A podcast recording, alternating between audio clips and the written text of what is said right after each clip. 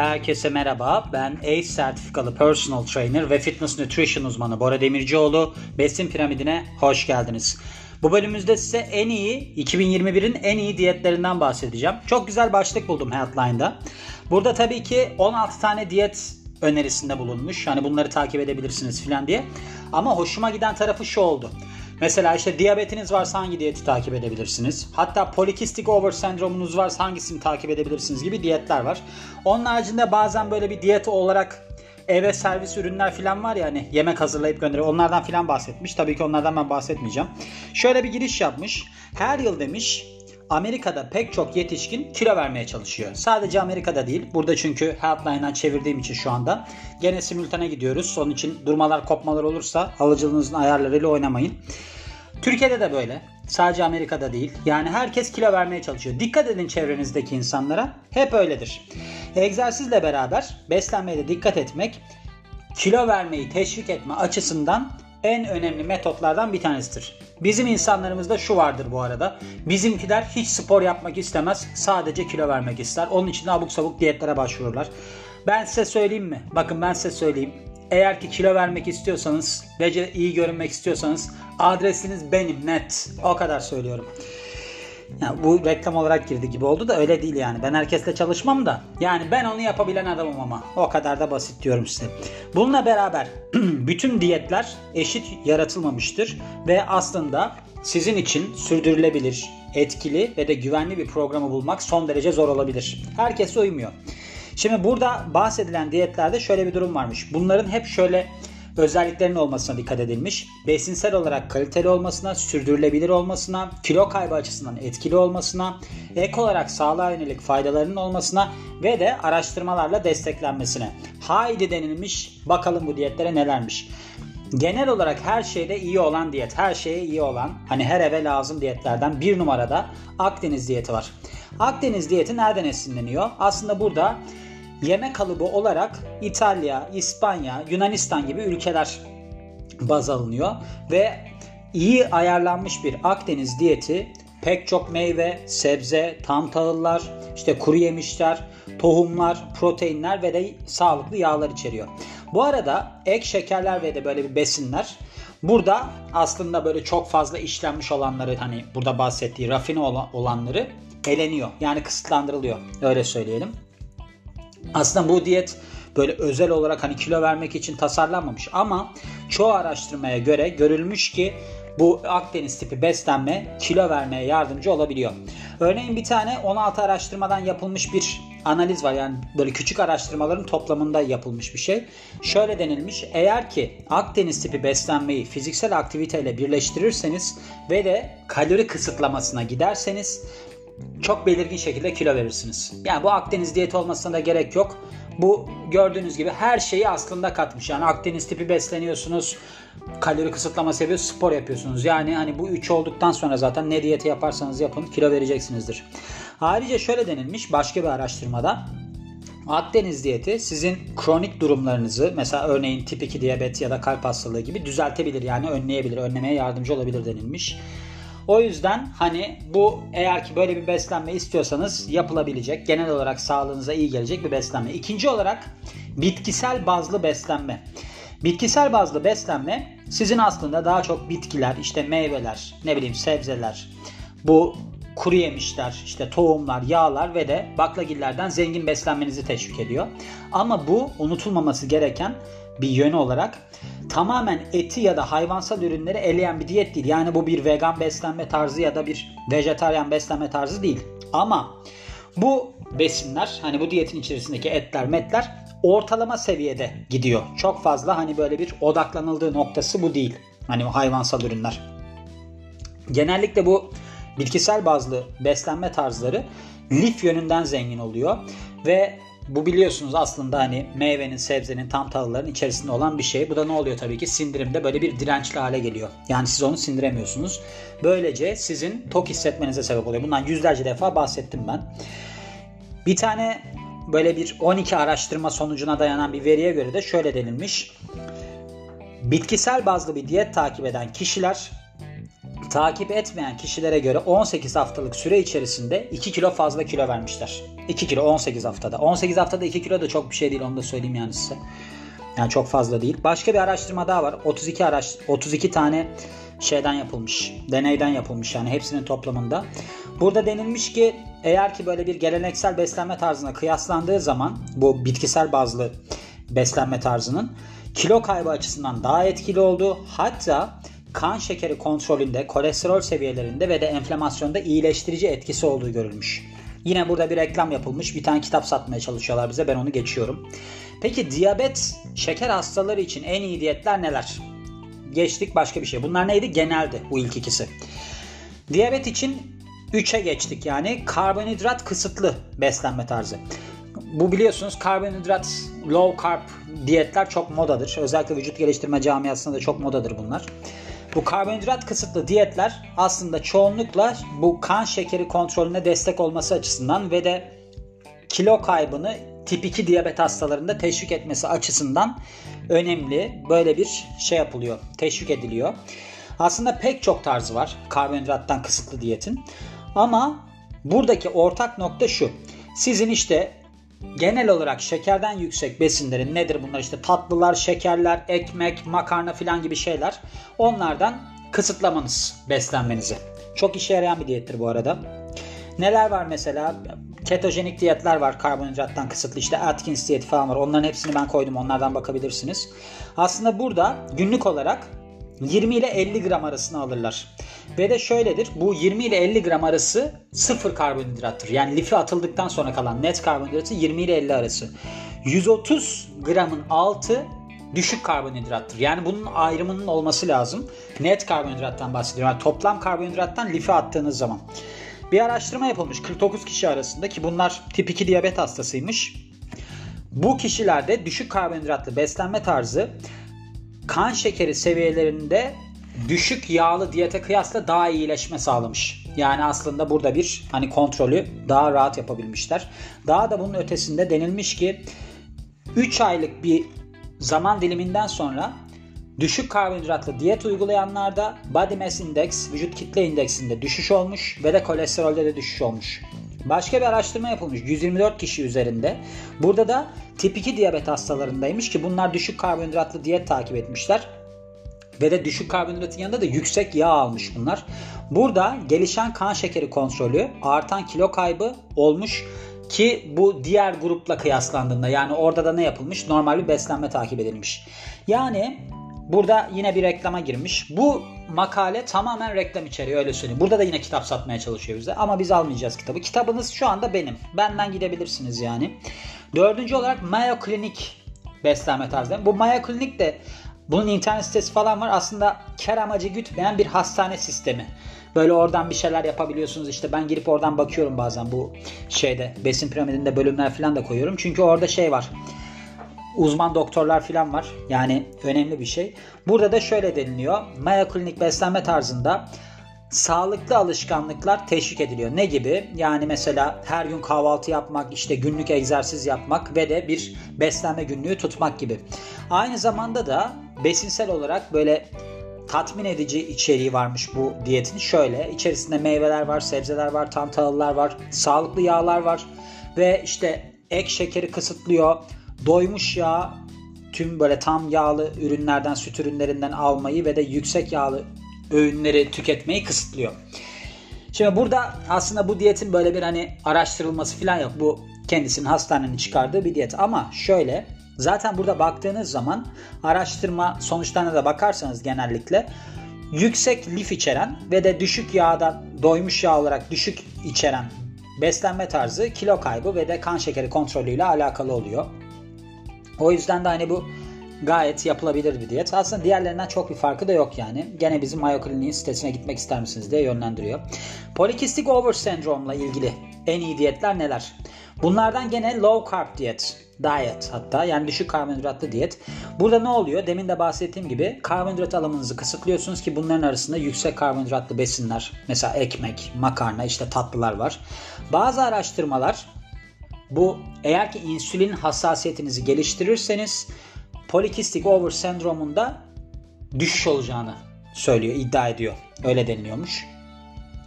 Ayrıca düşük karbonhidratlı diyetler sıkça insülin hassasiyetini geliştirmek için ve de polikistik over'ın belirtilerini hafifletmek için öneriliyormuş. 8 araştırmaya dayanan bir çalışmanın sonucunda şöyle görülmüş ki düşük karbonhidratlı diyet yani beslenme tarzı kilo kaybını teşvik edebiliyormuş ve de kadınlarda hormon seviyelerini geliştirebiliyormuş polikistik over olanlar. Bunun da ötesinde denilmiş başka bir araştırmada 7, 7 tane araştırmanın sonucunda yani düşük karbonhidratlı diyetler hormonların dengelenmesine yardımcı olabiliyormuş ve de kadınlarda polikistik over olan kadınlarda doğurganlığı artırıyormuş. Yani fertility, fertilite galiba bunun Türkçesi de. Onu artırıyormuş. Öyle bir etkisi varmış düşük karbonhidratlı diyetler. Altıncı olarak gene polikistik over ile ilgili olarak anti-enflamatuar beslenme tarzı. Bununla ilgili ben başlıkta koymuştum. Anti-enflamatuar beslenme tarzı besinsel olarak çok böyle zengin besinleri içeriyor. Şöyle yani bunlar mesela enflamasyonla, iltihaplanmayla savaşıyorlar ki aralarında omega 3 yağ asitleri ve de antioksidanlar var. Bu beslenmeler, bu diyetler genellikle meyveden, sebzeden, kuru yemişten, tohumlardan ve de yağlı balıklardan zengin. Aynı şekilde işlenmiş ürünlerden, kızarmış ürünlerden ve de şekerle tatlandırılmış meşrubatlardan da kısıtlı. Onları yer vermiyor. Araştırmalar gösteriyor ki anti-enflamatuar besinleri tüketmek yani bunlar neler işte meyveler, sebzeler ve de işte kuru yemiş gibi kilo kaybı açısından son derece faydalı. Kilo kaybına ek olarak anti-enflamatuar bir beslenme tarzı izlemek polikistik over sendromu olan kadınlardaki belirtileri de hafifletiyormuş. Aslında şöyleymiş. Bu polikistik over'a yüksek enflamasyon seviyelerinin katkı sağladığı düşünülüyor. Yani burada mesela artan androjen yani ya da erkek seks hormonlarının artması durumu ortaya çıkıyor bununla ilişkili ve bunu engelleyebildiğini söylüyor. Böyle bir beslenme tarzının, anti-enflamatuar beslenme tarzının. 100 kadında yapılan bir araştırma varmış. Burada kalori kısıtlı bir beslenme tarzıyla aslında kombinlenmiş bu anti-enflamatuar diyet ve burada buna ek olarak bir de düzenli fiziksel aktivite yapılmış. 12 hafta boyunca bunun sonucunda da görülmüş ki hormon seviyelerinde gelişme, artan kilo kaybı, menstrual döngüde düzenlenme, daha düzenli bir menstrual döngü, kan şeker seviyelerindeki kontrol ve de üretkenlik yani doğurganlık üretkenlik diyorum. Doğurganlıkta artış yaşanmış. Fertilitede artış yaşanmış. Ama gördüğünüz gibi burada da ne yapmış? Kaloriyi kısıtlıyor. Alınan kaloriyi kısıtlıyor. Fiziksel aktivite ekliyor. Ve de böyle bir anti-enflamatuar beslenme tarzı görüyor. Yine bir kitap satmaya çalışıyor bize. Yine onu geçiyoruz. Kalp sağlığı için en iyi diyet. DASH diet yani the dietary approach to stop hypertension yani yüksek tansiyonu durdurmak için besinsel yaklaşım. Beslenme tarzındaki bir yaklaşım. Bu aslında kilo kaybını teşvik etmek, kan basıncını düşürmek yani tansiyonu düşürmek ve de kalp hastalığına korumak için geliştirilmiş bir beslenme tarzı, bir diyet tarzı.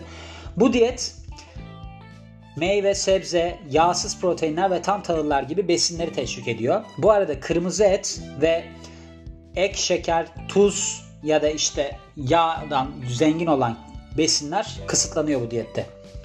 13 araştırma sonucuna göre 5 diyeti takip eden kişiler kalori kısıtlı diyetlere kıyaslandığı zaman başka kalori kısıtlı diyetlere kıyaslandığı zaman 8-24 hafta içerisinde daha fazla kilo vermiş.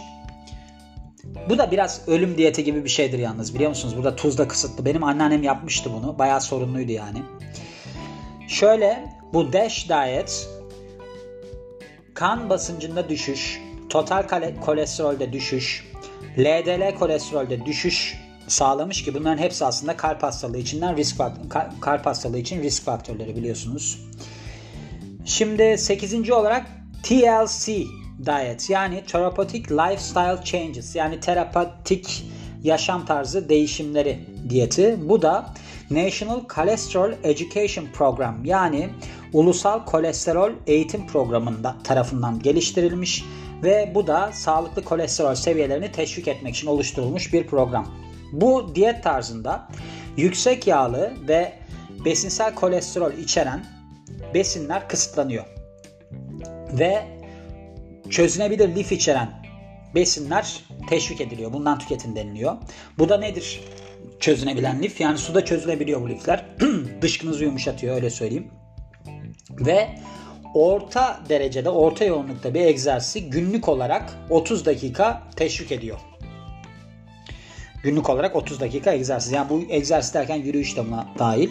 Şimdi sizin çözünebilir lif alımınızı artırmanız ve daha fazla fiziksel aktivite eklemeniz hayatınıza kilo kaybı açısından son derece etkili olabilecek iki tane strateji. Bunu zaten yani herkes bilir. Çocuk bile bilir bunu artık yani. Çünkü her yerde bundan bahsediyor. Şimdi bu diyet tarzı kötü kolesterol seviyelerini düşürebiliyor, tansiyonu düşürebiliyor ve de bağışıklık sistemini destekleyebiliyor. Yine kitap satmaya çalışıyor. Menopoz için en iyi diyetler. Geldik buraya. Intermittent fasting biliyorsunuz çok popüler bir diyet. Aralıklı oruç. Aslında pek çok tarzı var bunun bu aralıklı orucun. En çok yaygın olan kısmı, en çok yaygın olan bölümü şu 14-24 saat arasındaki kısıtlama. Şimdi ben bununla ilgili çok bölümler falan yaptım. Çok uzmanım bu konuda artık. Yani ben kendim de sürekli olarak bunu takip eden birisiyim ve çok işe yarıyor. Öyle söyleyeyim size. Bazı araştırmalarda kadınların menopoz döneminde çok daha faydalı olduğu söylenmiş. Intermittent fasting'in, aralıklı orucun. Şimdi şöyle, artan kilo kaybı ile beraber yani bu kalori kısıtlaması aynı zamanda da ne yapıyor? Sizin yağ yakımınızı teşvik ediyor. Aralıklı oruç insülin direncini düşürebiliyor ve kalp ka, şey kalp diyorum kan şeker seviyelerinizi stabilize edebiliyor ki bunların ikisi de menopoz sırasında çok çok önemli. Bunun haricinde başka araştırmalara göre şöyle iddia edilmiş. Sizin menopoz zamanında kendinize güveninizi artırarak zihinsel olarak sağlıklı kalmanıza yol açıyormuş. Nedir burada? Aynı zamanda bir de stres seviyelerinizi düşürüyor. İşte anksiyete ve depresyon seviyelerinizi düşürüyor, belirtilerinizi düşürüyor. Neden? Çünkü insanlar aslında buradaki mesele şu. Kilo verdikleri zaman kendilerine güvenleri gelmeye başlıyor. Ayrıca bir şeyi takip edebildiğini gördüğü zaman insanların ben gördüm onu gözlerinde çok mutlu oluyorlar. Diyorlar ki aa ben bunu başarabiliyorum. Çünkü insanlardaki başarısızlık duygusu çok sorunlu bir şey. Şimdi bir de ayrıca ben şimdi bununla ilgili iki tane bölüm yaptım. Kadınlar için aralıklı oruç diye bir bölümüm de var. Çünkü aralıklı oruç kadınlarda daha zorlu. Yani kadınlar bu orucun etkilerine karşı daha hassas oluyor. Aynı şekilde olmuyor yani. Bu sebeple daha böyle bir rahat şekilde aralıklı oruç tutun tutacaksanız kadınsanız ve de. Şöyle yani mesela 16'ya 8'dir bunun en yaygın formu. 14-16 saat arasında gidip gelebilirsiniz. Aynı zamanda random var. Kadınsanız bakın iki tane bölüm koydum ben. Bir tanesi en popüler 6 aralıklı oruç yöntemi. Bir tanesi de kadınlar için aralıklı oruç. Burada özet özet ben geçiyorum ya bu diyetleri. Siz orada bütün detaylarına ulaşabilirsiniz. Ama kadınlarda dediğim gibi çok fazla dayanamıyorlar. Sinirleri falan bozuluyor.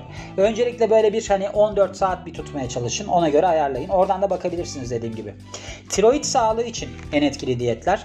Pescataryen diyet. Pescataryen diyet çoğunlukla bitki bazlı bir diyet ve aslında balıkla deniz ürünleri de içeriyor. Bu pescataryen diyetin pek çok tarzı var.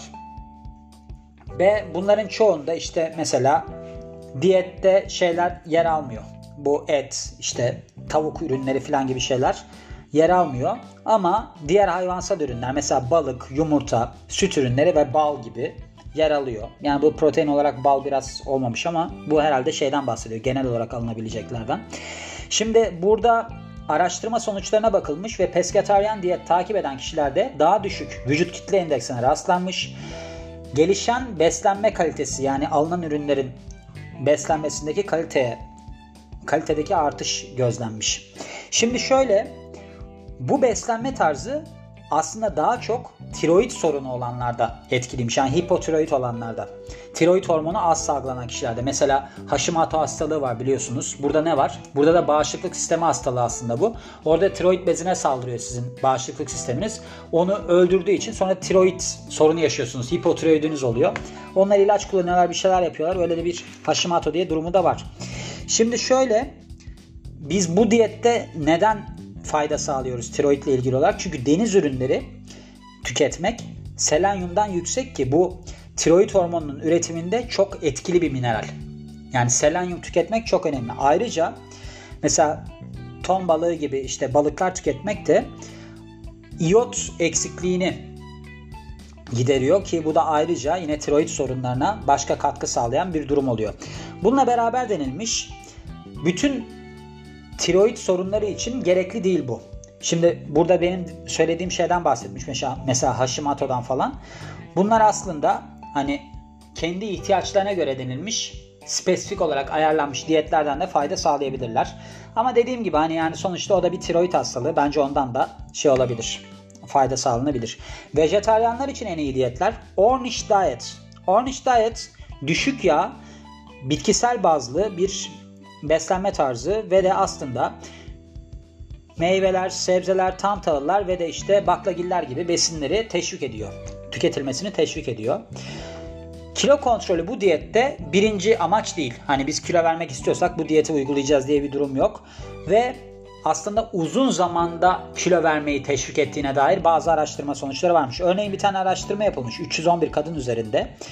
Bu Ornish diyetini 12 ay boyunca takip edenlerde 12 ay boyunca altını çiziyorum 2.2 kilo verilmiş. Yani gaz da herhalde o. Bir, bir gün gazını attı herhalde. Hiçbir şey değil bu. Kilo verme olarak görülebilecek bir şey değil. Şimdi şöyle başka bir küçük bir çalışma yapılmış. Ornish Diet ile ilgili. Bunun kilo kaybı açısından popüler diyetler Atkins ve Zone diyetinden çok daha etkili olduğu bulunmuş. Çünkü bir yıl sonra 3.3 kilo verdirmiş bu diyet. E demin 2.2 verilmişti. Yani ayrı bir çalışma bu tabii ki. Zannetmiyorum bunu yalnız bu. Atkins ile Zone diyeti çok zor diyettir. Takip açısındandır bu. Yani kilo verir bunlar ama sonrasında devam ettiremediği için geri almıştır. Totalde baktığında böyledir. Şimdi şöyle aklınızda bulunması gereken bu Ornish Diet yağ alımını biraz sınırlıyor ve pek çok sağlıklı besinin de mesela bu kuru yemişler olsun, tohumlar olsun, böyle sağlıklı yağlar olsun onu teşvik ediyor. Onu artırmasını teşvik ediyor, artırılmasını teşvik ediyor. O yüzden de hani siz eğer ki bu diyeti takip edeceksiniz denilmiş. Kesinlikle hani besinsel olarak ihtiyaçlarınız karşılanacaktır denilmiş. Ha, benim tarzım bir şey değil. Şimdi burada bir yemek şeyine geçilmiş. Hani biz yemek yersek bir yerden söylersek nasıl olacağına dair. Hani dedim ya böyle şeylerden de bahsedilmiş. Ondan sonra bakalım başka bir şey var mı? Yine böyle bir yemek tarzına bakılmış. Bütçeye göre en uygun diyetler. Bakın bu iyi olabilir. Vejetaryen diyetten bahsedilmiş. Bütçeye uygun diyet vejetaryen. Çok ilginç. Gelelim bakalım. Vejetaryen bir diyete geçmek çok harika bir kilo kaybı yolu ve de paranız cebinizde kalır deniliyor. Allah Allah ilginç. Şimdi aslında denilmiş bitkisel bazlı protein kaynakları mesela bunlar nedir işte konserve işte şeyler bean fasulyeler mercimek tofu tempeh bunlar soyadan yapılıyor biliyorsunuz ete tavuğa ve de deniz ürünlerine çok daha böyle bir ekonomik alternatifler deniliyor. Allah Allah çok enteresan gerçekten ve aynı zamanda da denilmiş vejetaryen bir beslenme tarzı kilo vermenizi çok olumlu şekilde teşvik edebilir.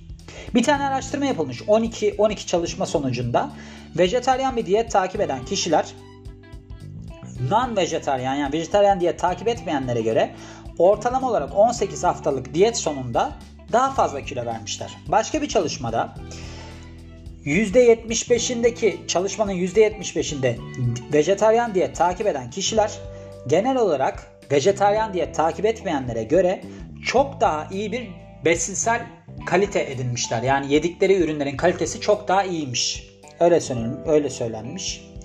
Yani gördüğünüz gibi son derece saçma ve bitti zaten. Başka da bir şey kalmadı. Şimdi şöyle bakın. Bunlar gördüğünüz gibi çok iyi tamam. Neden bahsettik? Şimdi selenyumdan bahsettik. Toparlamamız gerekirse. Selenyumdan bahsettik. Nedir? Tiroide iyi gelir falan filan. Orada bir işte deniz ürünlerinden yerseniz o iyi gelir denilmiş.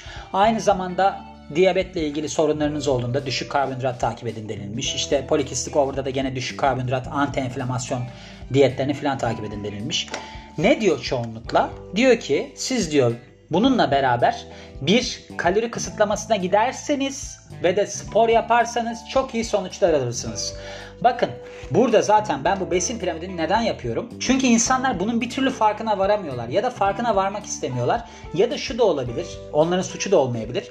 İnsanlara spor olarak mesela Instagram açtıkları zaman böyle psikopatça sporlar gösteriliyor. Şunu yapacaksın, bunu yapacaksın, öyle yapacaksın, böyle yapacaksın. Şimdi hiç yapmamış birisine ben şimdi kaykay sürüyorum. Yeni başladım.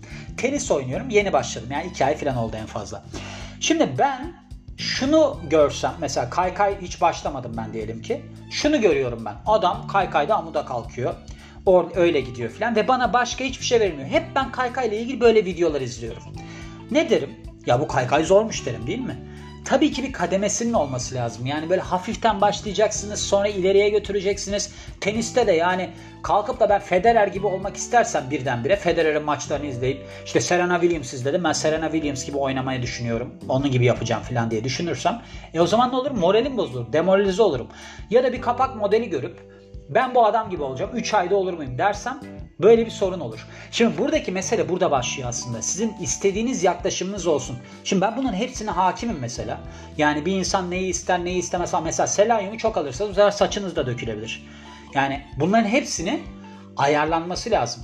Hani nedir ben pürinlerden bahsediyorum kaç bölümdür. E neden? Çünkü yüksek proteini diyetlerde böyle bir şey olabiliyor. İşte bunların hepsini burada diyor ya araştırma sonuçlarına ben, ben hepsini araştırıp bunların sonuçlarına bakıyorum işte. Ama sonuçlarda ne çıkıyor biliyor musunuz? İşte sizin aslında hayatınızı değiştirmeniz gerektiği sonucu çıkıyor. Kendinize saygı duymanız sonucu çıkıyor. Bu şu değildir. Yani ben günde kalkacağım da 2 saat spor yapacağım oradan kalkacağım işte hiç yemek yemeyeceğim açlığımdan öleceğim ama film şey olacağım forma gireceğim. Yok öyle bir durum. Gördüğünüz gibi her şey aşama aşama. Bakın bu podcast bile böyle başladı. Ben ilk önce ne yapıyordum? Yazıyordum. Yazdıktan sonra size aktarıyordum. Sonra bu yazma işini bıraktım. Zaten kağıtlar da bitti. Yani 500 sayfalık kağıt aldım bitti arkadaş. O kadar çok yazmışım. Şimdi ben İngilizcemi de ilerlettim. Direkt çevirebiliyorum. Ya bu böyle kademe kademedir. Ben başlasaydım deseydim ki ben direkt İngilizceden çevireceğim. Olmazdı. O yüzden sevdiğiniz bir insanla, anlayan bir insanla çalışırsanız aslında hiç yaşamayacağınız sorunlar var ama siz bunu yaşıyorsunuz. Kilolu olmaya mahkum kalıyorsunuz. O yüzden size tavsiyem seveceğiniz bir insanla, işten anlayan birisiyle kafanızda böyle 3 ayda şöyle olacağım, böyle olacağım hedefleri olmadan spor yapmaya ve beslenmenizi düzenlemeye başlayın. Hayat kalitenizi geliştirin. Çünkü hayat kısa kaliteli geçirin bu hayat diyorum ve bu bölümün de sonuna geliyor. Çok uzun bir bölüm oldu. Neredeyse yarım saat oldu yani ama çok uzun bölümde yapacak bir şey yok diyorum. Ve beni dinlediğiniz için çok teşekkür ederim. Ben Bora Demircioğlu. Yeni bir bölümde görüşmek üzere. Hoşçakalın.